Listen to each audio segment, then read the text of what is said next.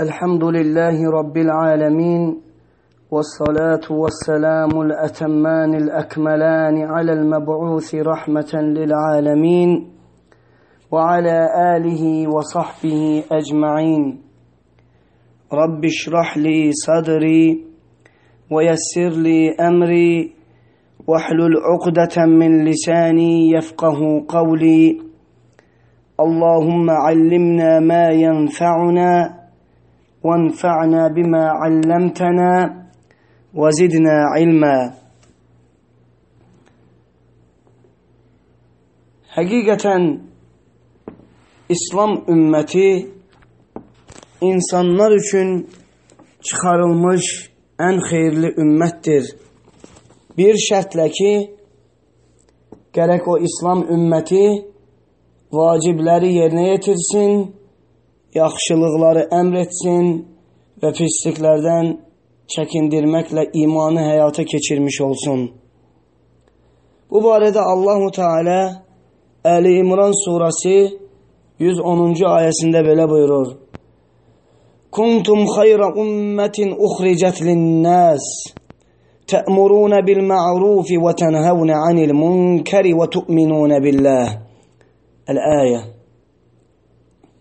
Siz Allahu Teala tərəfindən insanlar üçün çıxarılmış ən xeyirli ümmətsiniz. Yaxşılıqları əmr edər, çirkin, münkər işlərdən isə çəkindirərsiniz. Allaha nazil etdiyi şeylərdə iman gətirərsiniz. Allahu Teala'ya dəvət bu ümmətin ən əzəmətli vəzifələrindən və ən şərəfli əməllərindəndir. Necə ki Allahu Teala bu barədə belə buyurur. وَمَنْ أَحْسَنُ قَوْلًا مِمَّنْ دَعَا إِلَى اللَّهِ وَعَمِلَ صَالِحًا وَقَالَ إِنَّنِي مِنَ الْمُسْلِمِينَ İnsanları Allaha çağıran, Allaha dəvət edən və salih əməllər edən və mən müsəlmanlardanam deyən kəsdən kimin sözü daha gözəl ola bilər? Möhtərəm müsəlmanlar, Allaha dəvət etmənin dörd böyük məqsədi vardır. Birinci, Allahın kəlməsinin yer üzərində ucaltaraq əməl etmək. Allahın kəlməsini yer üzərində ucaltaraq əməl etmək. İkinci məqsəd dəvət və haqqı bəyan etməklə əmanəti əda etmək. Üçüncü məqsəd insanların başqa dinlərin zülmündən İslamın ədalətinə çıxmaları üçün səy göstərmək. Dördüncü, müxaliflərə, əhl-i sünnə vəl cəmaəyə müxalif olanlar, müxalif olan hər bir kəsləri buna daxildir. Yollarını azmışlara və kafirlərə hüccət qaldırmaq. Allahu Teala'ya dəvət etməklə məşğul olmağın həm bu dünyada, həm də ahirətdə faydaları vardır. Bu dünyadakı faydalarından yer üzərində Allahın dinində sabit qalaraq və əhlinin izzətli olmasıdır. Əgər kim Allahu Teala'ya bu dünyada dəvət edərsə, tovhidə dəvət edərsə, o yaxşılıqları əmr edər və pisliklərdən çəkindirərsə, o sabit qalar və o həmən insanlar izzətli olarlar. Ahirətdəki faydası isə Allaha bu dünyada dəvət etməyin ahirətdəki faydası isə Allahın razılığını qazanaraq cənnətinə daxil olmaqdır. Dəvətçiyə dəvətində ən mühüm olanla başlaması vacibdir. Allahın tovhidinə dəvət isə dəvətlərin başıdır. Çünki dəvət təvhidlə başlayır və təvhidlə də bitir. Və hər bir əməlin də təvhidlə bağlılığı olmalıdır. Allahu Teala'ya sələfi dəvəti ilə dəvət edənlərin başqa bidətlərlə, başqa şübhələrlə, başqa iddialarla dəvət edənlərdən bəzi əsaslar baxımından fərqliliyi vardır. Hansı ki bu əsaslara haqq yoldan çıxan firqələr müxalif olmuşlar. Bu barədə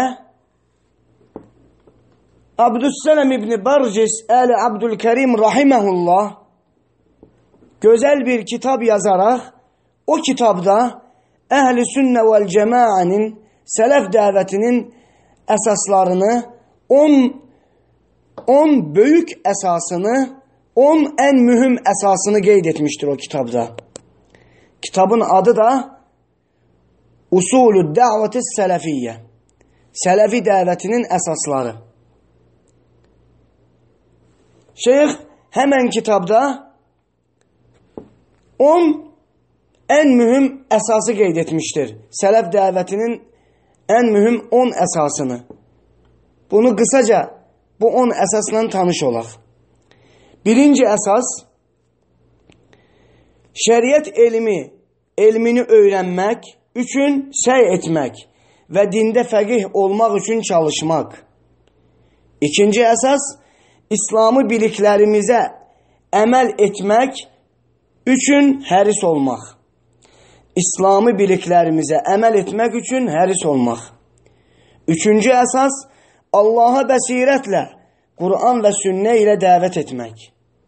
Dördüncü əsas, sələflərin əqidəsini öyrənməyə, əməl etməyə və öyrətməyə həris olmaq. Beşinci əsas, Peyğəmbər sallallahu aleyhi və səlləmin sünnəsinə bağlanaraq, onunla əməl etməyə və ona dəvət etməyə həris olmaq.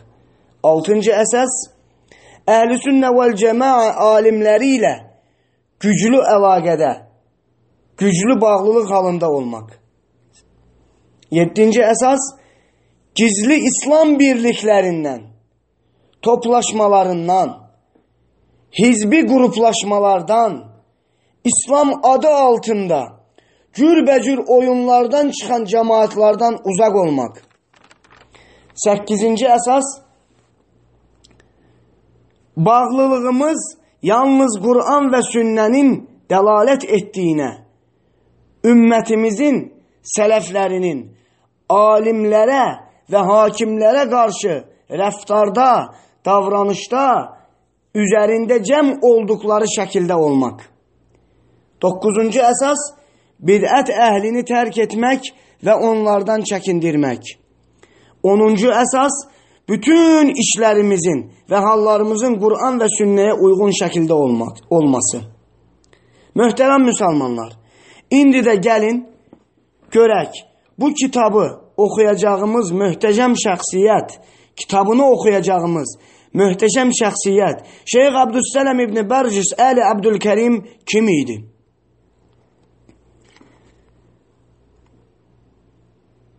O, fəzilətli şeyx, fəqih, tanınmış, önəmli, zəkalı üsul, usul alimi Əbu Abdurrahman Əbdüssələm İbni Bərcis İbni Nasir Əli Əbdülkərim rahiməhullahdır. Doğulub böyüməsi və elm tələb etməyə başlaması. Əbdüssələm İbni Bərcis rahiməhullah hicrətin 1387-ci ilində Riyad şəhərində anadan olmuşdur. Allahu Teala bütün müsəlman dövlətlərini hər bir çıxmış və çıxacaq bütün fitnələrdən qorusun. Abdüssələm İbn Bərcis rahiməhullah dinə bağlı salih bir ailədə gözünü açmış və boya başa çatmışdır. Və həmçinin şeyx güclü zəkası ilə və çox çalışqanlığı ilə kiçikliyindən bəri seçilmişdir. Həmçinin Qur'anı əzbərləmiş və 13 yaşında elm tələb etməyə başlamışdır qabiliyyətli, çalışqan və zəkalı olduğuna görə şeyxlərindən həmişə qayğı və hörmət görmüşdür. Abdüssələm İbn Bərcis rahimehullah balacalığından tez qavrama, zəkalılığı və elm tələb etmək üçün can atmağı və bunun üçün çalışqanlığı ilə məhşur olmuş və tanınmışdır. Rahiməhullahın ətrafının salihlərlə, yəni dostlarının, çevrəsinin, ətrafının salihlərlə çox olması ona elm tələb etməyə daha da şərait yaratmış və onu elm almağa rəğbətləndirmişdir. Şeyx Rahiməhullah çox çalışmış, gecəsini gündüzünə qataraq elm tələb etmək yolunda səy etmişdir. Elmdən başqa vaxtını heç nəyə sərf etməmiş, çünki elm tələb etməkdən başqa heç bir şey istəməmişdir. Abdüssələm İbn Bərcis rahiməhullahı tanıyanlar onun elm tələb etməkdə nə dərəcədə həris olduğunu, onun elmə və dəvətə, öyrənib və öyrətməyə həris olduğunu hələ də danışırlar. Və belə olduğuna görə şəriət elmlərində böyük bir pay sahibi olmuşdur. Əbdüssələm İbn Bərcis rahiməhullah alimlərin dərslərində davamiyyətli şəkildə iştirak etmişdir. Və özü üçün əldə edəcəyi ən balaca faydanı belə qaçırmaz, onu qeyd edər və əzbərləyərdi. Kibirliliyi, yekəxanalığı, özünü böyük görməyi bir kənara qoyar və elm almağa əzmlə və israrla və çox böyük səbirlə davam edərdi və elm almaq üçün həddindən artıq çalışardı və bunun müqabilində ondan qeyrisinin uzun bir müddətdə əldə edə bilmədiyi çoxlu böyük elmə nail olmuşdur. Həm də tək bir fən deyil, müxtəlif növ fənlərə, müxtəlif elmlərə Abdüssələm İbn Bərcis rahiməhullah nail olmuşdur. Hədis elminə, əqidə, fiqh, usul, mustalahul hədis, və həmçinin lüğət elmlərinə yiyələnmişdir.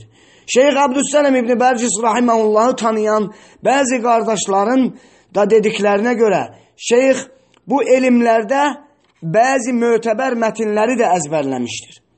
Onlardan İbn Həcər rahiməhullahın Buluğul Məram kitabını, Həccavi rahiməhullahın Zədil Müstəqni kitabını, İbnül Qayyim rahiməhullahın Nuniyyəsini, İbn Malik rahiməhullahın Fiqh Nəhvdə Əlfiyyəsi, Əlfiyyə kitabını əzbərləmişdir. Şeyx müntəzəm dərs aldığı yer Riyad şəhərində almışdır. Orta məktəbi orada bitirmiş. İmam Muhammed İbni Saud adı ilə bağlı universitetin şəriət fakültəsini bitirmişdir. Sonra qazilər üçün ali instituta qəbul olmuş. Orada magistr dərəcəsinə çatmış və sonra in, həmən institutda doktora dərəcəsinə, professor dərəcəsinə nail olmuşdur.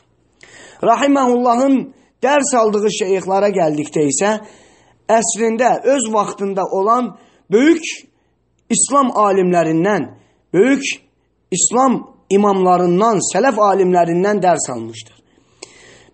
Buna zamanında Əhl-i Sünnə vəl Cəmaənin imamı olmuş Alləmə Şeyx Abdülaziz İbn İbn Abdullah İbn Baz rahimehullahı misal gətirmək olar. Həmçinin zamanında fəqihlərin ən başında gələn Alləmə mühtə möhtəşəm üsulçu Muhammed İbn Salih İbn Hüseymin rahimehullahı misal gətirmək olar. Həmçinin mühəddislərdən, hədis alimlərindən Alləmə Əhməd ibn Yahya Nəcmi rahiməhullahdan dərs almışdır. Həmçinin fəzilətli şeyx, doktor Abdullah ibn Abdurrahman ibn Cibrin rahiməhullahdan dərs almış, ondan 4 il müntəzim şəkildə elm almışdır. Həmçinin alim hədis alimlərindən olan Alləmə Abdullah Əd-Duveyş rahiməhullahdan tətil vaxtlarında Bureydə şəhərində dərs almışdır. Həmçinin Alləmə fəqih Salih ibn Abdullahil Ətram rahiməhullahdan şəriət fakültəsində oxuduğu müddətdə dərs almışdır. Həmçinin fəzilətli şeyx Fəhdül Hümeynin rahiməhullahdan həm tovhid, həm də fiqh dərsini almışdır.